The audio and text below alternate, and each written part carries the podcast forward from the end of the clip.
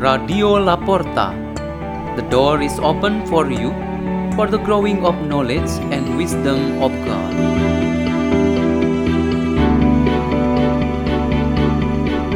Delivered by Marsha and Andrew from Santa Maria Ratu Church, Archdiocese of Jakarta, Indonesia.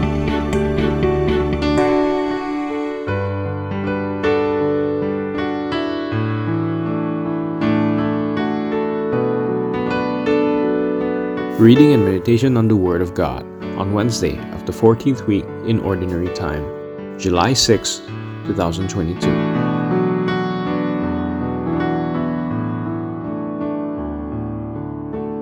The reading is taken from the Holy Gospel according to Matthew. Jesus summoned his twelve disciples and gave them authority over unclean spirits to drive them out and to cure every disease and every illness.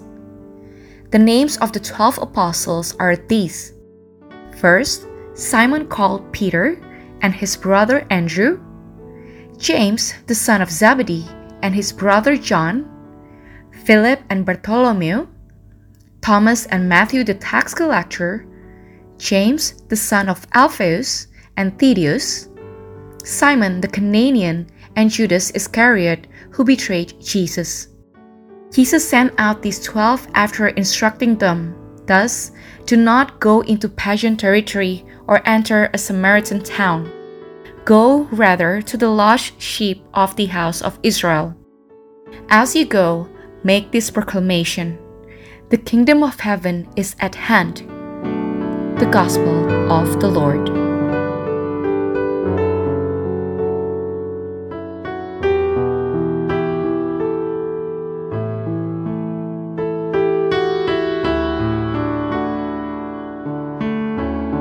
Our meditation today has the theme Lost Sheep. We do not feel strange or out of context about our being sheep often mentioned in the scriptures or expressed by Jesus Christ himself to refer to all of us as his followers. Even now, the intention is broadened to include all the believers living in this world as the sheep of the Lord. What all desired by God is that none of this will be lost. There was a fish in a pond that was lonely and has never joined by other fish. It tended to hide behind the rocks. Its presence was unknown to others. A turtle passed around the rock and rebuked the fish. You are a lost sheep. You are in here, but you make yourself lost. So you are so alienated from this world. This simple illustration wants to give us a hint about the loss and alienation of people in this world, even though they are actually in the world, especially among those who love them. Such losses in the understanding of living together and our social life are often referred to the marginalized people in our society. The scriptures and Jesus himself say that they are lost sheep. They must be sought, found, and brought home to the lovely home and bosom of God the Father. In a particular point of view, the Mother Church is very concerned and sad about her lost sheep.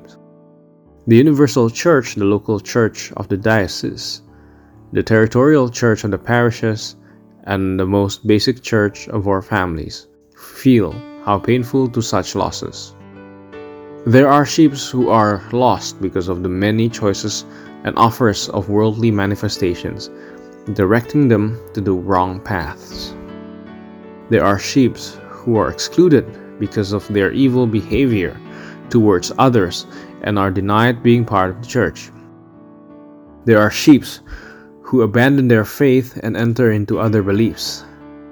There are sheep who deliberately and quietly move away or disappear from togetherness and brotherhood in the church. What the Lord Jesus revealed in his time about lost sheep, then, the apostles were sent to bring them home, is a reality that is so relevant to our situation. Each of us is supposed to acquire that mission.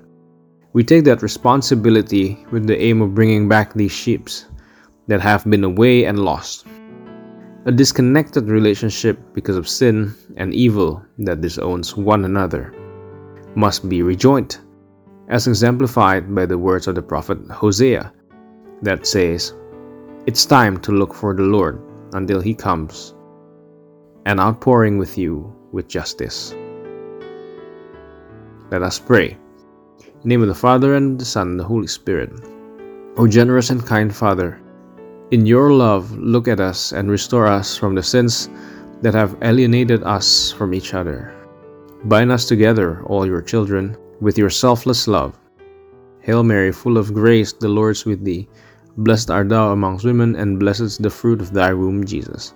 Holy Mary, Mother of God, pray for us sinners, now and at the hour of our death. In the name of the Father, and of the Son, and of the Holy Spirit. Amen. Radio La Porta. The door is open for you.